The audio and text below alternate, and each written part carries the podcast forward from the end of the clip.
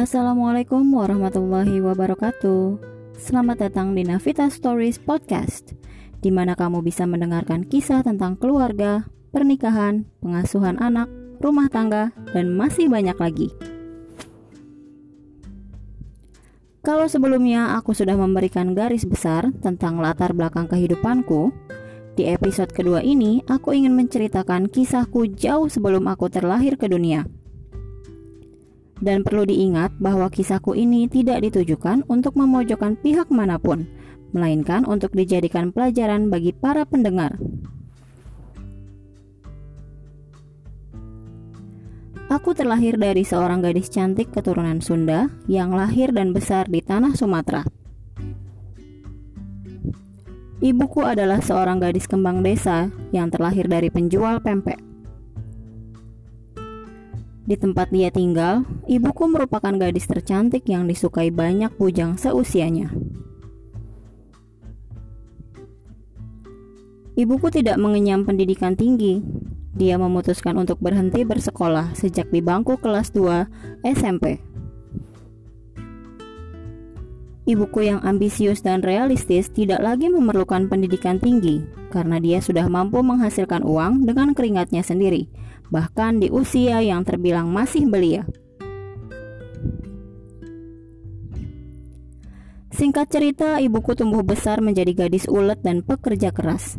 Dia senang bekerja dan menghasilkan uang. Kesibukannya dalam bekerja dan mencari uang membuatnya lupa akan kodratnya sebagai seorang gadis desa yang diharuskan untuk segera menikah demi menjaga nama baik keluarga. Ibuku berkali-kali dijodohkan dengan lelaki mapan dan tersohor di desa. Namun berkali-kali itu juga proses perjodohan selalu gagal. Ibuku mulai muak dengan kewajiban menikah di usia muda. Hingga akhirnya dia memutuskan untuk kabur ke kota. Di kota, ibuku tinggal seatap dengan beberapa sepupu lelakinya. Ada pula di antara mereka yang jatuh cinta dengan sang gadis desa. Ibuku yang naif tidak terpikir bahwa salah satu di antara sepupunya menyimpan perasaan istimewa terhadap dirinya.